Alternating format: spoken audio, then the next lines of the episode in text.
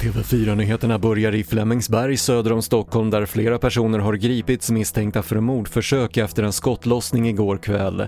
Två personer fördes till sjukhus men deras skador var inte livshotande enligt polisen som inte utesluter att fler kommer att frihetsberövas. I Tyskland stiger vattennivåerna i södra Bayern som förklarat ett nytt undantagstillstånd men på andra håll har vattenmassorna börjat sjunka undan och människor har börjat återvända för att inleda uppröjningsarbetet.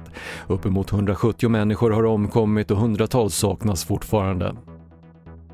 Hittills har drygt 4 000 misstänkt allvarliga biverkningar av coronavaccin kommit in till Läkemedelsverket rapporterar SR. Med tanke på hur många vaccindoser som har getts är antalet biverkningar få enligt myndigheten. Och alla vuxna i Storbritannien har erbjudits minst en dos coronavaccin uppger landets vårddepartement. Därmed har man nått det mål som premiärminister Boris Johnson tidigare satte upp inför att restriktionerna lättas från och med imorgon.